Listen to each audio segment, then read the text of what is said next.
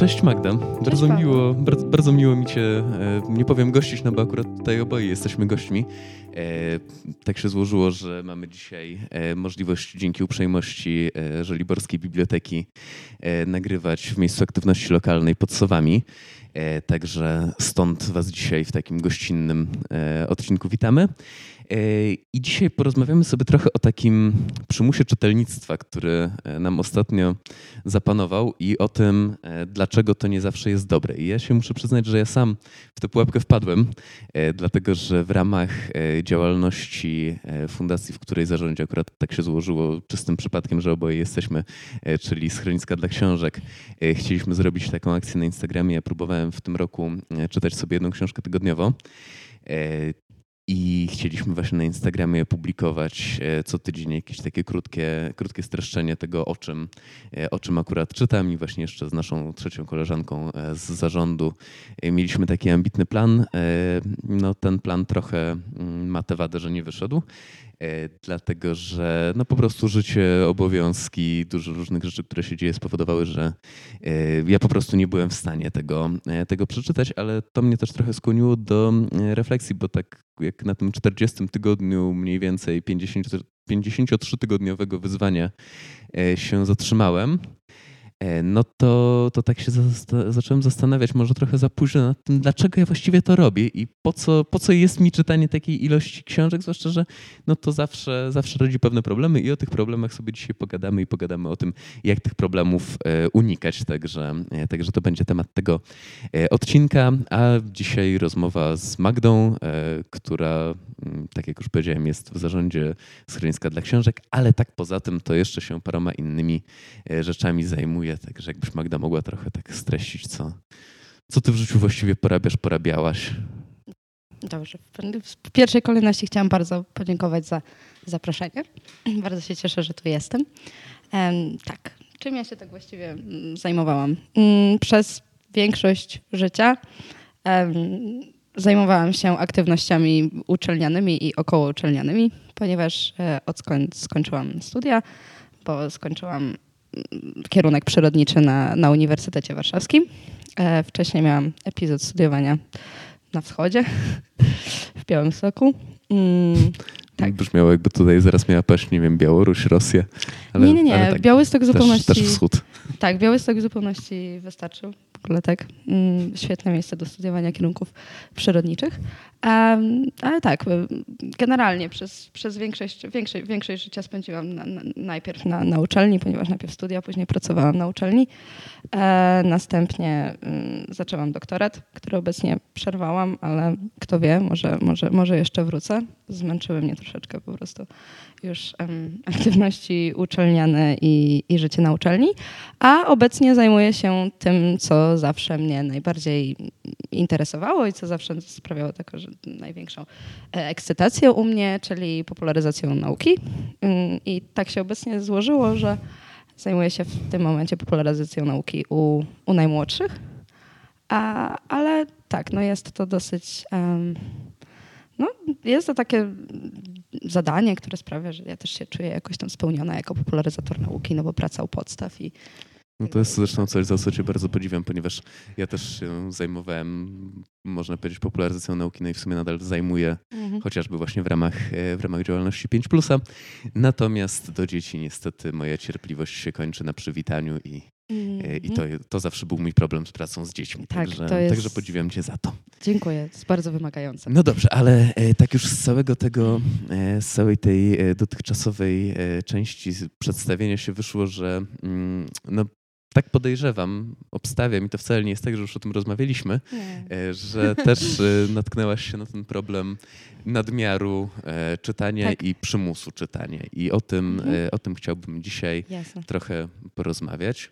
Jeżeli chodzi o ten taki przymus e, czytelniczy, to ja mam wrażenie, że tutaj e, nie ma jakiegoś takiego jednego źródła. Nie wiem, czy się ze mną zgodzisz oczywiście, bo to też nie próbuję tutaj e, przypisywać sobie jakiegoś wielkiego prawa do racji w tej kwestii, ale wydaje mi się, że jest kilka różnych przyczyn i taką pierwszą przyczyną, którą przynajmniej ja mm, gdzieś tam zauważam, jest taka pewna presja społeczna, która nam się wytworzyła na to, żeby czytać. Mhm. Nie masz tego wrażenia, że, że to w tej chwili stało się takie. Znaczy, to bardzo dobrze oczywiście, że czytanie stało się modne, tylko nie chodzi o to, że czytanie jako takie, jego promowanie jest coś złego, no bo w sumie sami staramy się to robić, ale bardziej chodzi o to, że e, to takie właśnie wywieranie presji, że masz czytać, czytać i czytać. I to, i to jest ten ból mój przynajmniej. E, tak, ja zgodzę się tutaj z Tobą, dlatego że ja uważam, że nawet nie tyle czytanie stało się modne, co mm, rozmowy o tym w towarzystwie i tak jakby pokazywanie na zewnątrz, że różnię się od osób, które tych książek nie czytają, dlatego że mieliśmy jakiś czas, zresztą problem jest dalej aktualny, ale e, mieliśmy jakiś czas temu właśnie i w mediach i, i ogólnie była poruszona kwestia, że Polacy w ogóle nie czytają książek.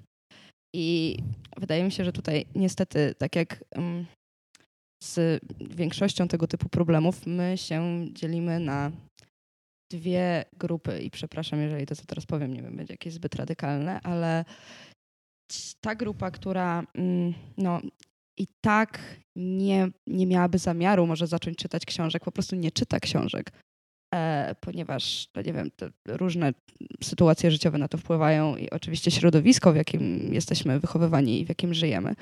Ale grupa, która nie czyta książek, nie zacznie czytać książek pod wpływem tego typu nagonki i medialnej, i społecznej. Natomiast druga grupa wpada w taki niebezpieczny nurt, dlatego że zamiast mm, czytać tyle, ile czytaliśmy kiedyś, bo kiedyś mam wrażenie, że to było jakieś takie zdrowsze, nawet jak o tym takie normalne. rozmawialiśmy. Po tak. i, i, się czytało i Dokładnie, tyle. po prostu czytaliśmy, dlatego że sprawiało nam to przyjemność. We mnie na przykład mój dziadek zaszczepił takiego bakcyla. Ja uwielbiałam czytać jako dziecko, pochłaniałam książki i to było coś dla mnie kompletnie naturalnego. Ja się nie zastanawiałam, czy to dobrze, że ja tyle czytam, czy, czy to źle, czy ja powinnam czytać ileś książek, nie wiem, miesięcznie czy tygodniowo. Właśnie, to, to jest, wydaje mi się, bardzo ważne, że zastanawiamy tak. się, ile powinniśmy czytać książek. Dokładnie. to nie jest, nie jest to, że... Paranoja, to w tak. ogóle nie, nie o to w tym chodzi, dlatego że no, też musimy sobie zdać sprawę, że funkcjonujemy troszeczkę inaczej niż jakiś czas temu i, i nie ma co robić sobie, nie wiem, jakichś wyrzutów sumienia, że nie czytamy tyle, ile w liceum, dlatego że w liceum naszym jedynym zadaniem była szkoła i ewentualnie jakieś aktywności poza szkołą. Natomiast teraz mamy pracę i najważniejsze, żeby samemu czuć się z tym okej. Okay. Myślę, że po prostu znajduję na to czas, ale w wolnej chwili, wtedy, kiedy mam na to ochotę. No potem wydaje mi się I... też właśnie to, co mówisz o wolnej chwili, że że jeszcze problem jest taki, że te badania, i to jest mój problem z tymi badaniami właśnie o tym, że ludzie nie czytają. Mhm. Ludzie czytają i wydaje mi się, że czytają więcej niż czytali kiedyś, tylko czytają teksty użytkowe. Czytają na tak. co dzień w mhm. pracy, mamy coraz większe, tutaj z kolei mamy kolejne badania na to, że zdecydowanie nam się zwiększa udział w rynku mhm. mm, tych sektorów, gdzie ludzie właśnie tak. pracują intelektualnie, mhm. na co dzień Dokładnie. zapoznając się z bardzo dużą ilością mhm. tekstu. I to oczywiście się odbywa kosztem też tego czytania dla przyjemności, dla przyjemności. no bo nie wiem, no ja szczerze powiedziawszy, y, mam na przykład ten problem analogiczny, z pisaniem, jako że ja bardzo dużo piszę w pracy, mm -hmm. to jak mam coś napisać tak dla przyjemności, to mam tak. z tym trochę blokadę, bo mi się to za bardzo z tą pracą kojarzy Dokładnie. i to wydaje mi się, że jest pewien problem. Natomiast mam też wrażenie, że jest jeszcze jeden z tym związany problem, e, dlatego że mm, jak mówimy o tej pracy, to mm -hmm. ludzie mhm. też pracują coraz więcej. E, I tutaj myślę, że zwłaszcza akurat no, u nas w Warszawie ten problem można zauważyć bardzo łatwo, E, że ludzie po prostu na nic nie mają czasu. To nie jest tak, że nie mają czasu czytać, to jest tak, że nie mają czasu na nic, mhm. E, dlatego że po prostu e, no, za dużo tego czasu poświęcamy mhm. na życie zawodowe i w związku z tym, jak wracamy, nie wiem, 19 mhm. do domu, żeby odgrzać sobie obiad zrobiony w weekend, jak tego czasu było trochę więcej, e, to siadanie do czytania to niekoniecznie jest dokładnie to, na co mamy siłę i ochotę jeszcze. No tak, wpadamy w tę taką spiralę i, i nie zawsze potrafimy z niej wyjść. Ja się na tym łapię bardzo często, że normuję sobie czas pracy, że jest tak okej, okay, znajduję czas na życie prywatne, natomiast później znowu wpadam w taką spiralę, coś się dzieje, nie wiem, koniec okresu e, jakiegoś tam, nie wiem, wiesz, e, koniec semestru w moim przypadku, czy mhm. koniec roku, to też są takie e, gorące, gorące momenty i, i tak, i, i wpadamy w taki paniczny niemalże tryb. Nie mamy czasu nie, już nie tylko na czytanie, nie mamy czasu na to, żeby pójść na spacer wieczorem, czegoś, co nie wymaga od nas wysiłku. intelektualnego, a jak już znajdziemy ten czas, to ja się przyna- przypadki- przynajmniej na tym łapię, że nie czytam książek dla przyjemności. Ja czytam takie książki, które na przykład pomogą mi w pracy Mhm. albo pomogą mi jakoś w, no nie wiem, no w relacjach między ludźmi albo w, w biznesie, No, czyli, czy, czy, czyli znowu wracamy do tego, że tak naprawdę czytamy teksty użytkowe, które w Tak, jakiś tam sposób mają nam dokładnie. się przydać jako takie, a nie, e, a nie Tak, dlatego, że chcemy a- to, a to przeczytać jeszcze. Plagą jest, niestety, to zauważyłam, kiedyś tego nie było. Plagą jest to, że powstaje teraz mnóstwo mm, popularno-naukowych książek, że one nie mają tak naprawdę nic wspólnego z nauką, dlatego że tam jest mnóstwo treści takich pustych. Ja mam wrażenie, że otwieram książkę, mam, nie wiem, 150 stron, a wszystko mogłoby być zawarte w 20. To jest takie lanie wody.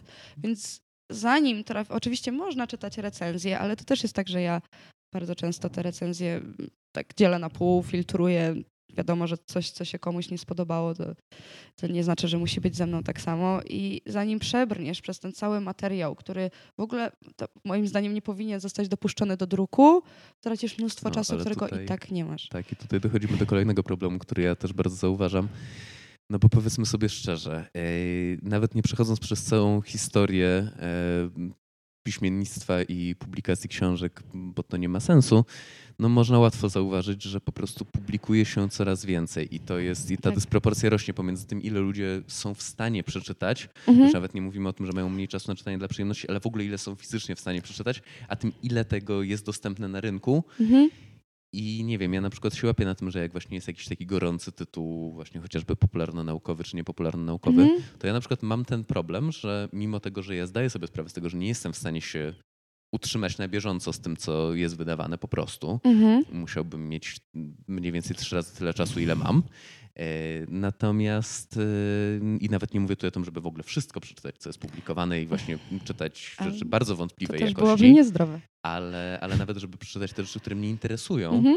to i tak nie mam na to czasu. Mm, Natomiast problem jest jeszcze taki, że przy publikowaniu e, tych rzeczy, kiedy wiemy, że nie mamy, nie mamy tego czasu, to czytamy takie rzeczy, które są modne.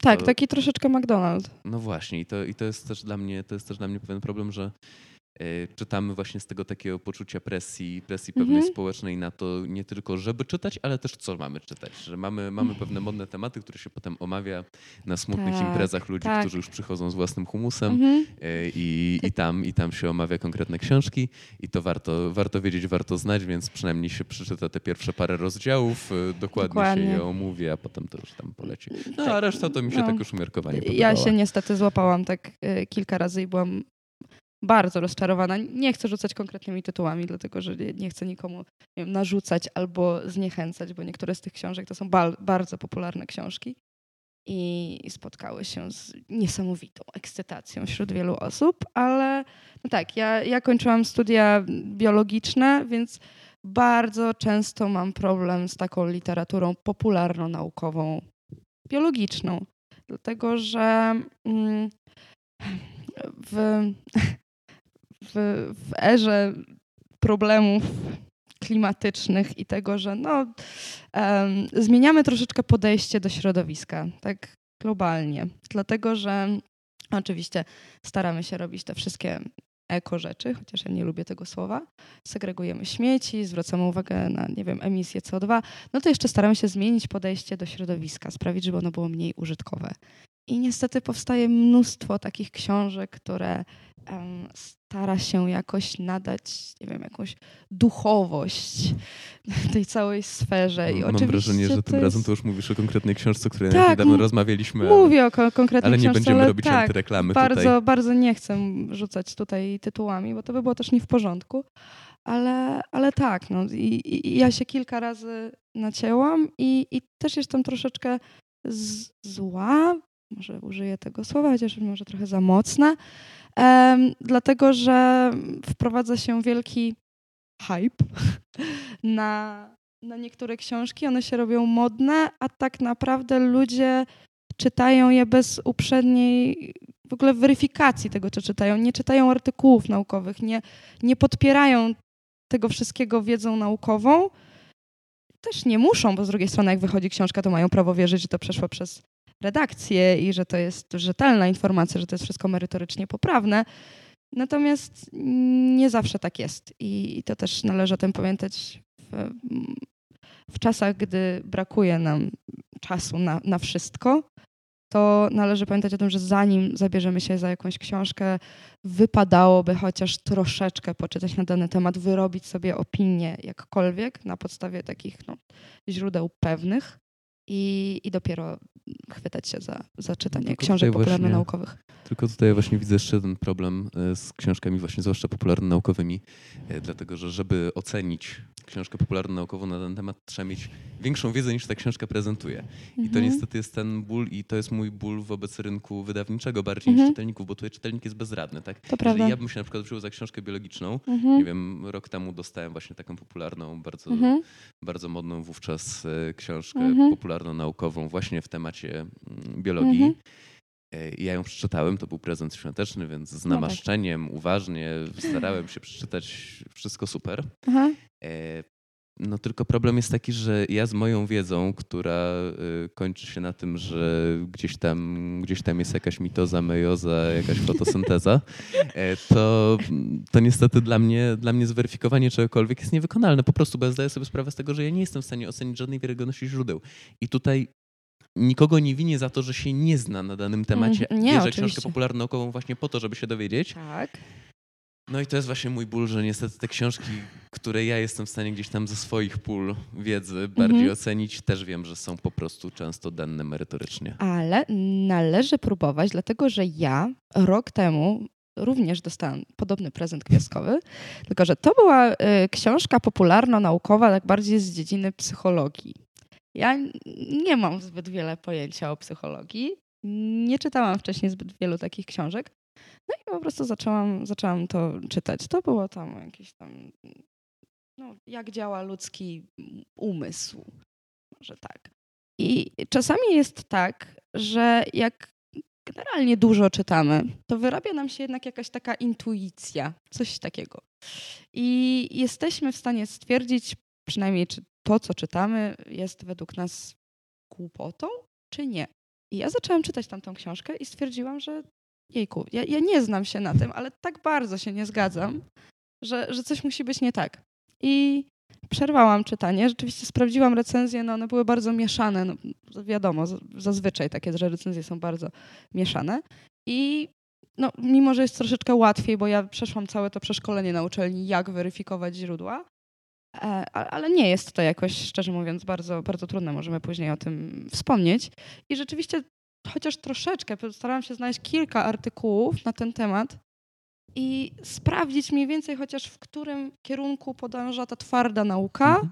a w którym kierunku podąża ta książka, dlatego że niestety nie wiem, nie wiem, czy kiedyś tak było. Jeżeli wiesz, to, to, to proszę skoryguj to, co teraz powiem. Mam wrażenie, że kiedyś nie było na rynku tyle wydawnic, których mogłeś wydać książkę, za którą ty sam zapłacisz że płacisz za opublikowanie.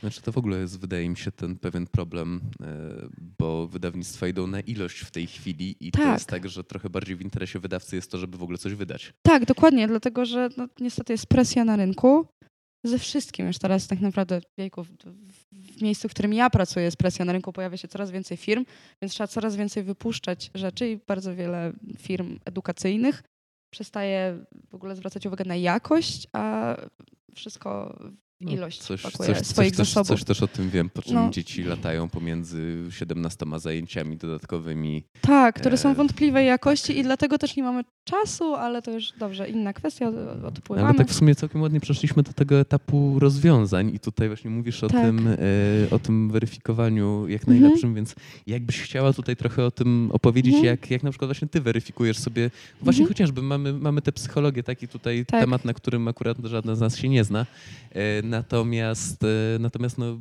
mówisz, że masz sposoby weryfikacji, mhm. więc jakbyś, jakbyś mogła o nich trochę powiedzieć. Okej, okay, tak postaram się postawić w sytuacji osoby, która może nie, no nie, nie, nie musiała jakoś tam bardzo uczyć się tego na, do, do celów zawodowych czy uczelnianych. E, ja zaczynam od tego, że mm, sprawdzam recenzje. I ja mówiłam owszem wcześniej, że recenzje są bardzo często mieszane, ale mm, ja, ja lubię czytać i ja na przykład lubię się doszukiwać różnych rzeczy.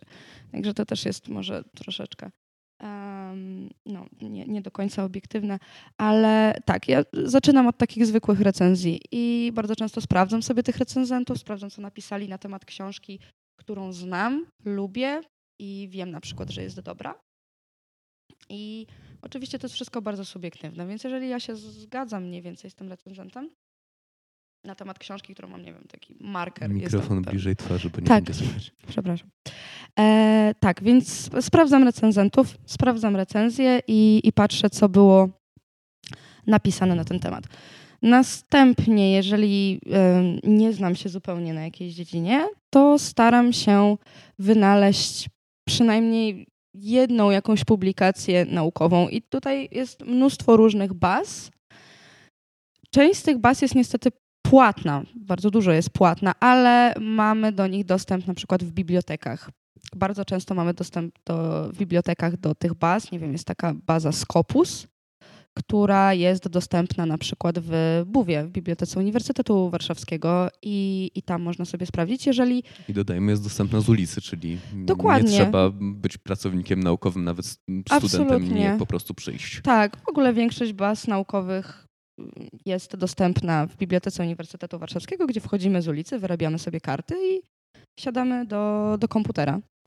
Mm, ewentualnie zawsze, zawsze można napisać do e, pracownika Uniwersytetu Warszawskiego z prośbą o udostępnienie artykułu. Nie zawsze wypala, ale jeżeli uargumentujemy, to, to, to tam też pracują ludzie i, i, i jest to możliwe do, do wykonania. Więc staram się e, wyszukać jakieś, wpisać jakieś frazy, e, jakieś słowa kluczowe, których dotyczy temat i po prostu szukać. Większość literatury jest po angielsku, więc to jest bariera dla osób, które nie, nie posługują się zbyt dobrze tym językiem, ale da się, dlatego że ja kiedyś tłumaczyłam tekst po niemiecku, mimo że nie mówię po niemiecku, jakoś tam Google tłumacz już działa na tyle dobrze, że jesteśmy przynajmniej tam w stanie wychwycić jakieś, e, jakiś sens. I to jest przerażające, bo on działa coraz lepiej. On działa coraz lepiej, naprawdę. Jak ja zaczynałam na studiach jakieś tam 5 lat temu, to, to w ogóle kali kochać, kali jeść, a teraz, teraz świetnie.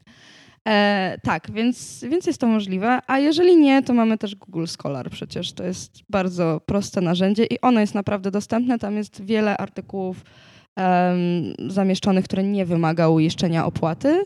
I, I tak, i po prostu w ten sposób sobie sprawdzamy. A w jaki sposób sprawdzić, czy artykuł jest dobry? No bo nie każdy artykuł naukowy jest dobry. To, co ja wcześniej mówiłam, ubolewam na tym, że powstaje coraz więcej czy wydawnictw, czy czasopism w przypadku pism naukowych, gdzie możesz zapłacić i opublikować.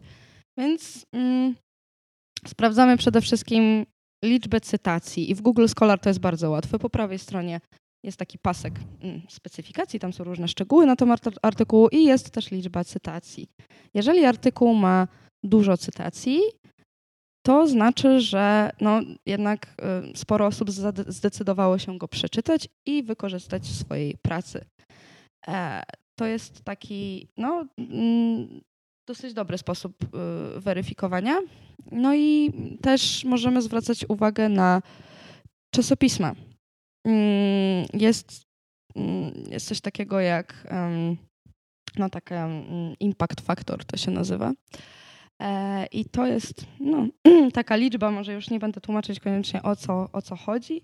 Natomiast im wyższa ta liczba, tym mm, lepsze jest czasopismo. Można sobie sprawdzić w internecie dokładnie, jak to weryfikować i co to znaczy dobre czasopismo.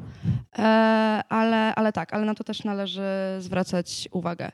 Ale na przykład mm, The Royal Society produkuje, wypuszcza bardzo dobre e, artykuły, ale mamy też Science czy Nature to są takie, no myślę, że większość osób zna, a jeżeli nie, to warto się zapoznać. Mają bardzo dużo artykułów, no, gdzie trzeba wykupić dostęp, ale też wypuszczają artykuły ogólnodostępne. I w momencie, kiedy zaczynamy się powoli wdrażać, zaczynamy sobie czytać, to wyrabia nam się po prostu już jakaś taka, mm, po pierwsze intuicja, czy coś jest dobre, czy nie, a po drugie umiejętność poruszania się w tym całym gąszczu informacyjnym. Czyli jak wszędzie tak naprawdę jest to do pewnego stopnia po prostu kwestia wprawy. Natomiast ja Tak. tu jeszcze bym chciał o jednej rzeczy powiedzieć. Także ja mam jeszcze taką drugą swoją metodę mm, weryfikowania i to jest metoda, z którą jesteś zaznajomiona tak powiedzmy z drugiej strony, dlatego że ja bardzo często, ja bardzo często pytam ludzi, jeżeli na czymś się nie znam. I to jest właśnie ten moment, kiedy piszę Magda, jest taki temat, bo ja w ogóle nie ogarniam Tak, o co chodzi. porozmawiajmy o Więc, tym. więc, więc powiedz, mi, powiedz mi, zweryfikuj, czy to, co Mhm. tam jest napisane, to ma sens. Y, I ja tak robię, przepraszam, być może nie powinienem tak na wizji tego pierwszy raz publicznie ci mówić, ale, ale ja tak, tak też robię. z innymi. Nie, nie jesteś jedyna. No. Także, także ja też z innymi osobami dokładnie, no, dokładnie ten sam numer robię i właśnie pytam Rozumiem, ludzi, ja którzy też się tak znają robię. na jakimś Mhm. temacie, e, co sądzą na, e, na temat jakiejś publikacji, jakiegoś artykułu. Mhm. No bo zakładam, że oni są w stanie to w przeciwieństwie do mnie jakoś zweryfikować i Mhm. są w stanie się do tego odnieść. E, I to jest, e, i to jest coś, co uważam, że jest całkiem niezłe, no bo okej, czasami ta metoda właśnie takiej dokładnej analizy, o której mówisz i weryfikacji jest potrzebna, Mhm. ale no znowu, to nie jest, to nie jest coś, co za każdym razem będziemy Mhm, możemy zrobić w robić, ogóle. no bo Mhm. pewnie by nam wyszło czasami, jak zwłaszcza mamy coś krótkiego do przeczytania, że dłużej by nam zajęła weryfikacja niż czytanie, co nie jest takie złe, jeżeli nie czytamy sobie akurat czysto dla przyjemności, bo w momencie, kiedy Mhm. nie wiem, ja miałbym na przykład czy- przeczytać coś dla przyjemności krótkiego, lekkiego i przyjemnego, a wcześniej miałbym poświęcić dwie Mhm. Oczywiście. godziny czy trzy na weryfikowanie, to prawdopodobnie po prostu bym tego nie przeczytał. Ja mówiłam tylko o wyrabianiu sobie tam pewnych dobrych nawyków, ale oczywiście to, co mówisz, Nie, no też jest bardzo ja się jak najbardziej istotne. zgadzam, tylko po prostu mówię też o tej metodzie takiej prostszej, po linii mniejszego Tak. Mhm. oporu, która jeżeli chcemy coś tak na szybko, na szybko się dowiedzieć, też do pewnego stopnia nam temat rozwiązuje, no bo nie wiem, zakładam, że jeżeli zapytam właśnie o coś, tak jak ostatnio właśnie o tej ekożywności gadaliśmy, to, Tak, to tak, jeżeli tak. zapytam właśnie Mhm. osobę, która ma Globalne E, ocieplenie. Tak, ma, ma pojęcie na ten temat większe zdecydowanie ode mnie i rozumie, jak to działa, a nie tylko jest w stanie przeczytać Mhm. e, jakiś artykuł czy jakąś książkę na ten temat, no to, to uzyskam informacje, które są bardziej wiarygodne Mhm. niż to, co ja jestem w stanie sam powiedzieć. Mhm. Jest to półśrodek, ale wydaje mi się, że jest to półśrodek, który bardzo często działa dobrze, bo jest prosty. E, tak, i on mm, na krótką metę działa nawet dużo lepiej niż ten sposób, który ja ci powiedziałam, dlatego że zazwyczaj w takich sytuacjach pytamy znajomych. Rzadko kiedy się pisze do profesora na uniwersytecie, żeby nam pomógł coś zweryfikować. Chyba, że akurat znamy. Mamy Chyba, że akurat znamy, na tak, dokładnie, ale jeżeli nie, no to dużo częściej piszemy do swoich znajomych, którzy mm, mają bardzo często podobny pogląd na, na, na daną sprawę co my, albo nie wiem, przynajmniej podobnie myślą. Chodzi mi o to, że wywołuje to dyskusję przy okazji, a zawsze interaktywna rozmowa jest jednak o wiele więcej warta niż przeczytanie czegoś na sucho. Oczywiście czytanie też jest ważne, bo zdobywamy informacje, bez informacji nie ma dyskusji. Natomiast tak, no, jesteśmy w stanie dowiedzieć się nawet y, czegoś, y, czegoś więcej. No i też jest to dla nas takie łatwiej przyswajalne, ponieważ dostajemy to takim językiem bardziej może naszym. I skoro już jesteśmy znajomymi i się dobrze dogadujemy, to prawdopodobnie operujemy też podobnym językiem, albo przynajmniej takim, który jest dla nas przyjemny w odbiorze, bo inaczej byśmy z tą osobą nie mieli interakcji. Także, także tak, to jest, to jest świetna metoda i ja e, też ją bardzo, bardzo, bardzo często stosuję. E, Z moim bratem chociażby, dlatego że ja no niestety e, bardzo chciałabym nadrobić braki w wykształceniu historycznym. Staram się to teraz robić. Nie mam na to zbyt dużo czasu, niestety, ale bardzo ciężko idzie mi weryfikowanie źródeł i nawet jak obejrzę jakiś, nie wiem, materiał, gdzie są zawarte jakieś informacje, nie wiem, coś, coś, coś z historii, no to potrzebuję jednak tego, żeby ktoś mi to uzupełnił i powiedział, tak, Magda, to jest dobre, a to nie. Więc nawet jak oglądaliśmy ostatnio serial oparty na faktach, to byłam bardzo wdzięczna za uzupełnienie po prostu tematu przez coś, co uważasz za, za dobre. To jest, to jest ważne. No, także znaczy ja to też stosuję na przykład e, z rzeczami, na których się znam, Mhm.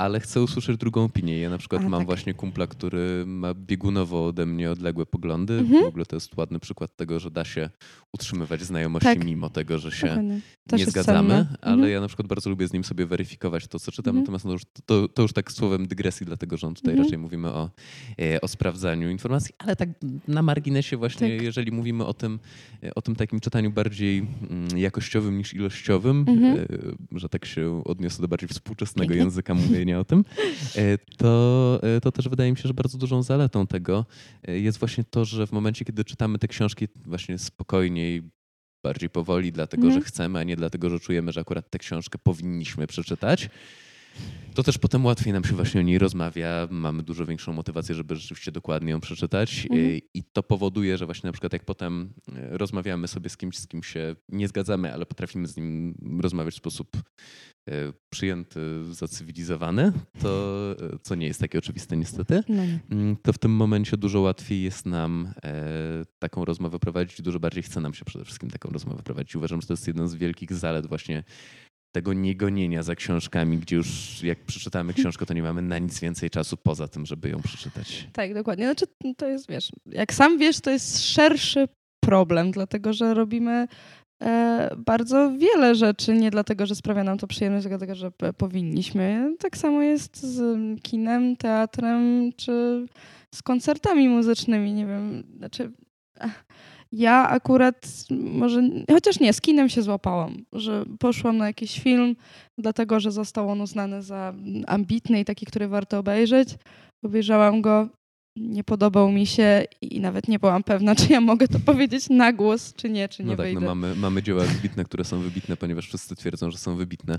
Znaczy ja to absolutnie Tak. rozumiem, dlatego że ja miałem przez parę lat nawet tak, że próbowałem gonić za wszystkimi filmami oscarowymi i obejrzeć wszystkie filmy, które Tak. są nominowane, no bo potem jak przychodzi ta noc Oscarów, można sobie zrobić właśnie wieczór Mhm. filmowy, oglądać Tak. sobie relacje i dyskutować. Nie, no mm, mi ten film się mniej podobał. Tak. Em, oczywiście należy docenić wybitne walory, ale i no niestety, ale to jest, to jest coś, co mnie w tej Tak. chwili, jak już mam to za sobą, doprowadza do szału, jak ludzie tak robią. Tylko, Tak. że w tym momencie sobie przypominam, okej, dobra, jesteś człowieku skończonym hipokrytą, bo sam tak robiłeś. I to niestety jest coś, co bardzo No, łatwo się złapać, no bo właśnie wtedy wychodzi się na takiego kulturalnego, tutaj nadążającego za tym, co Tak. się dzieje.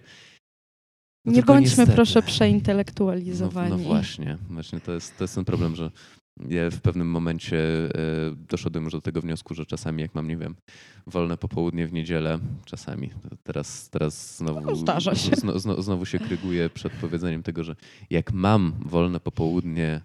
W niedzielę, to odpalam PlayStation albo umawiam się z kimś na piwo, a nie Tak. próbuję nadrobić filmy Oscarowe albo przeczytać książki, które są Tak, e, mnóstwo, akurat w danym momencie na topie. tak, mnóstwo osób jeszcze odpala seriale Netflixowe. Nie, no bo gdzieś, naprawdę, gdzieś musimy No to jest jakiś bezpiecznik, ujście. którego chyba po prostu tak, potrzebujemy i tyle. Dokładnie, musimy czasem wyjąć ten wentylek, żeby to powietrze zeszło, bo oszalejemy.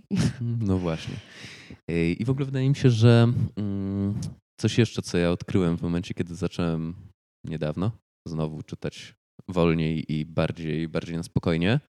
I dlatego, że mam, że mam właśnie ochotę coś konkretnie przeczytać, a nie dlatego, że, że czuję się do tego zobligowany. I to jest, to jest ogromna dla mnie zaleta. Ej, Nie wiem, czy tak miałaś. Mhm. Natomiast moim problemem z czytaniem książek takich było to, że w momencie, kiedy na przykład właśnie sobie przeczytałem taką książkę, to od razu miałem potrzebę, żeby przeczytać jakiś inny punkt widzenia, żeby skonfrontować to. I to jest Mhm. oczywiście bardzo dobre. To jest bardzo dobre podejście w momencie, kiedy mamy do czynienia nie wiem, z literaturą stricte naukową, chcemy się czegoś dowiedzieć.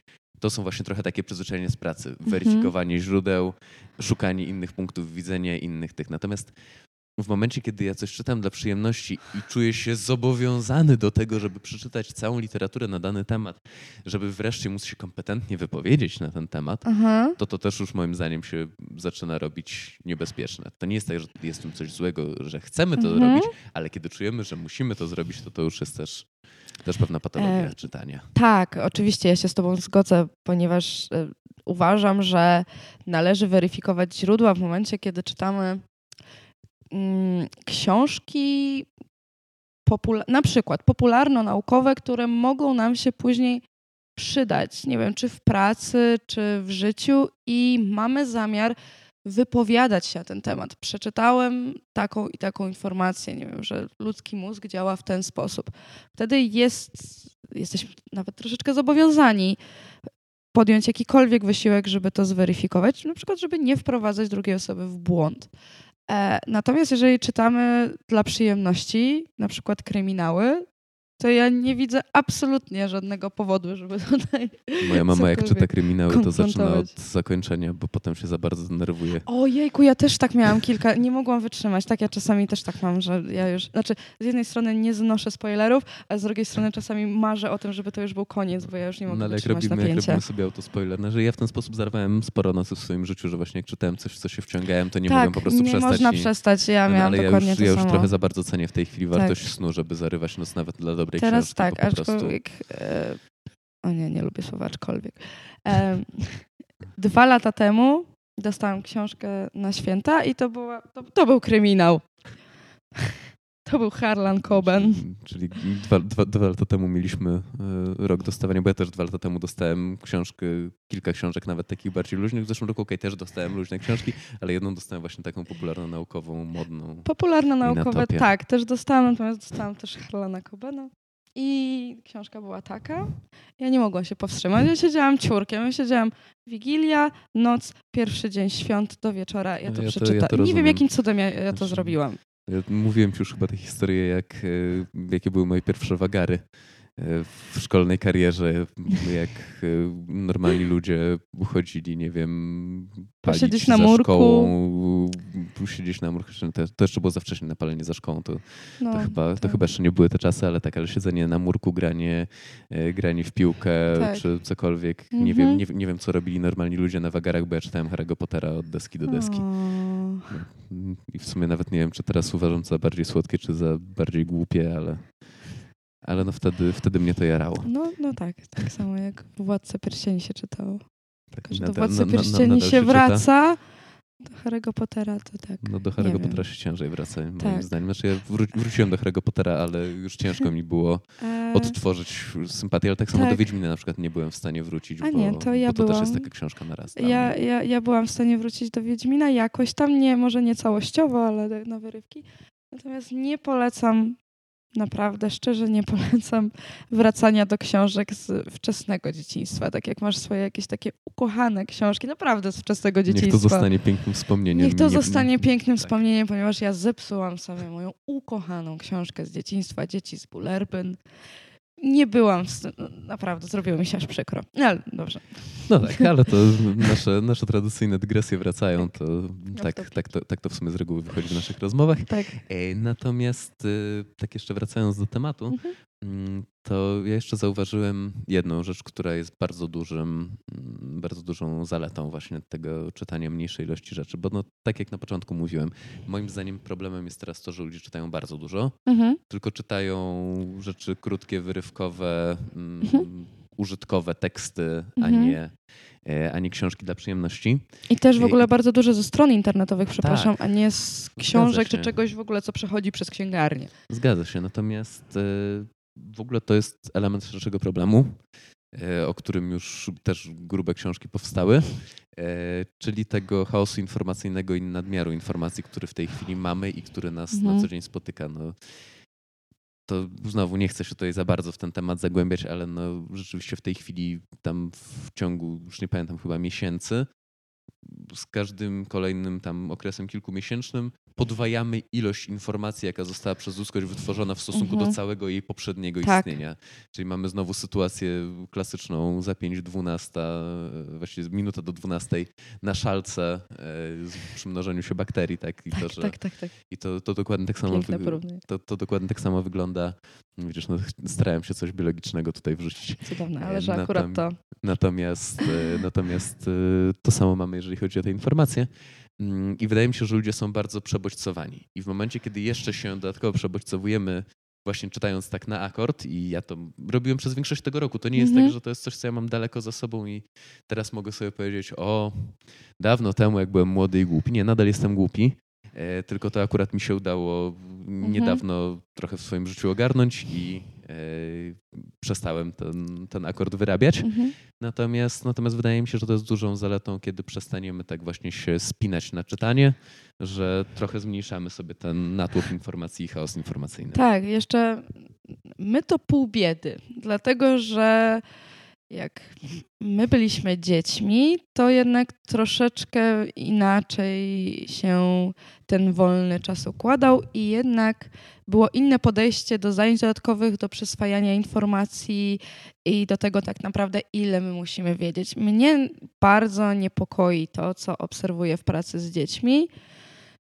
bo tak, my sobie tutaj mówimy, że musimy przestać od siebie wymagać, żeby tyle czytać, przestać od siebie wymagać, żeby, żeby przyswajać tyle informacji, żeby tyle weryfikować źródeł, no w ogóle, żeby nie robić nagonki, że tak użyję takiego słowa, na, na samych siebie. Natomiast okej, okay, my jeszcze jesteśmy w stanie to zrobić, ponieważ nie było takiej nagonki, mam wrażenie przynajmniej, w, w naszym dzieciństwie. Krótko mówiąc, co... mamy do czego wracać. Tak, a to, co się teraz dzieje, to przebodźcowanie dzieci, ten, ta ogromna presja, żeby one zdobywały coraz więcej informacji, uczestniczyły w masie zajęć dodatkowych, no tak, no już nie, nie pamiętam, z którego to jest, z każdej dziedziny. Nie pamiętam, z którego to jest stand-upu, że trzylatek bez chińskiego to jest teraz nikt. Tak, ja też nie pamiętam, ale, ale kojarzę ten tekst i niestety tak, to ma duże odzwierciedlenie w rzeczywistości. I tutaj e, no, należałoby, jeżeli ktoś jest edukatorem lub ma jakąkolwiek moc sprawczą w tym temacie, troszeczkę obniżyć stonować, te, tak, tak, dokładnie obniżyć te, te wibracje, ponieważ tego jest za dużo i to dopiero to pokolenie, jak będzie no, mniej więcej w naszym wieku, jak już będzie dorosłe, oni sobie nie poradzą. Znaczy z tym to tak naprawdę zobaczymy, bo tutaj e, słyszałem różne opinie, tylko znowu to jest ten problem, że ja słyszałem różne opinie, ale nie potrafię ich zweryfikować, mhm. bo się na mhm. tym nie znam. Mhm. Bo niektórzy twierdzą, że e, właśnie w związku z tym, że mm, obecne dzieciaki to brzmi strasznie i tragicznie, ale, ale powiedzmy, że no, ludzie, którzy teraz są w wieku dziecięcym i właśnie już wyrastają w tym e, społeczeństwie mhm. takim bardzo mocno informatycznym, w którym ten, taka ilość informacji jest przyswajana od młodego wieku, będą po prostu do tego przyzwyczajeni i że jesteśmy w stanie się tego przyzwyczaić. Inni twierdzą, że to jest dla ludzkiego mózgu po prostu niewykonalne. Ja nie wiem, jakie jest być może ty masz jakieś lepsze pojęcie na ten temat. Ojej, to znaczy... Mm...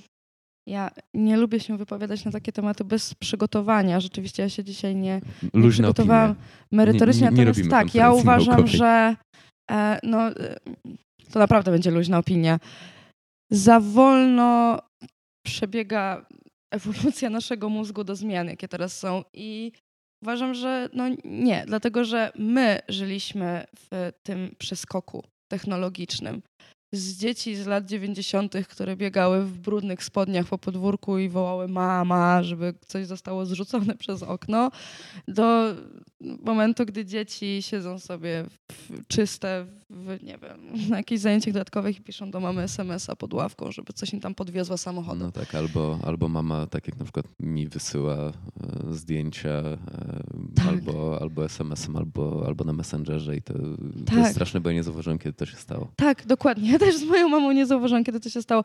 To jest przeskok na poziomie no, na, naszego życia, tak? które no, nie jest długie, na razie.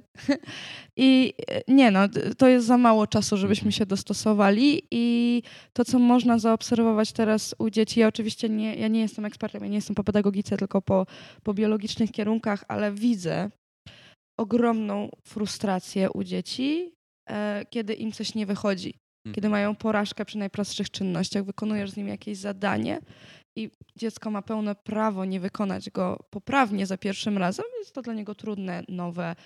I na przykład, jeżeli robię z nim coś biologiczno-chemicznego, no to ten dzieciak nie musi od razu być geniuszem i tego wszystkiego wykonać poprawnie. Jest ogromna frustracja i, i, te dzieci od razu wpadają w taką panikę, że coś im nie wyjdzie, tak jakby było od nich wymagane od najmłodszych lat, że wszystko ma im wyjść za pierwszym razem. Są też niecierpliwe bardzo od razu chcą mieć efekty, takie mhm. bardzo mocne efekty działań od pierwszego w ogóle podejścia do tematu. I to jest moim zdaniem, między innymi, już nie chcę tutaj się rozgadywać, dowód na to, że my nie nadążamy z Mhm. naszą głową za tymi zmianami. Ale Jesteśmy zbyt drogą- sfrustrowani. Swoją żeby- drogą myślę, że możemy kiedyś zrobić właśnie jakąś taką bardziej przygotowaną rozmowę, pewnie w szerszym Mhm. gronie właśnie osób, które się Tak. znają na, e, na różnych zagadnieniach, które się na to składają i właśnie sobie o tym porozmawiać. Tak, Natomiast na dzisiaj zdecydowanie. myślę, że mniej więcej nasz temat wyczerpaliśmy tak, żeby z kolei za daleko w dygresję Mhm. e, nie uciekać, do czego oboje mamy tendencję, powiedzmy sobie szczerze. E, Także, e, także myślę, że zostańmy przy tym, co, co już mamy. Ja Ci Magda bardzo dziękuję za to, że tutaj w tym, w tym naszym podcaście wystąpiłaś, że się zgodziłaś na to nagranie. Także dzięki, dzięki serdeczne. Mam nadzieję, że nie jest to ostatni raz, kiedy się tutaj u nas pojawiasz. E, Bardzo dziękujemy e, Miejscu Aktywności Lokalnej na Żoliborzu e, i Bibliotece Publicznej za zaproszenie i możliwość nagrania tutaj tego odcinka. No i zapraszam tradycyjnie mm, do strefy wiedzy Fundacji 5. Zapraszam też do śledzenia aktywności Fundacji Schronisko dla Książek, z której oboje tutaj się też wywodzimy. Tak, ja również bardzo dziękuję za zaproszenie. To była bardzo miła rozmowa dla mnie i bardzo się cieszę, że mieliśmy okazję nagrać to w bibliotece publicznej. Zapraszam, bo miejsce jest naprawdę super przyjemne. I... Mam nadzieję, że to będzie też dobrze widać na nagraniu. Tak, dokładnie. Dobra. Dobre miejsce do relaksu. Dzięki, dzięki w takim razie. Dzięki Cześć. wielkie.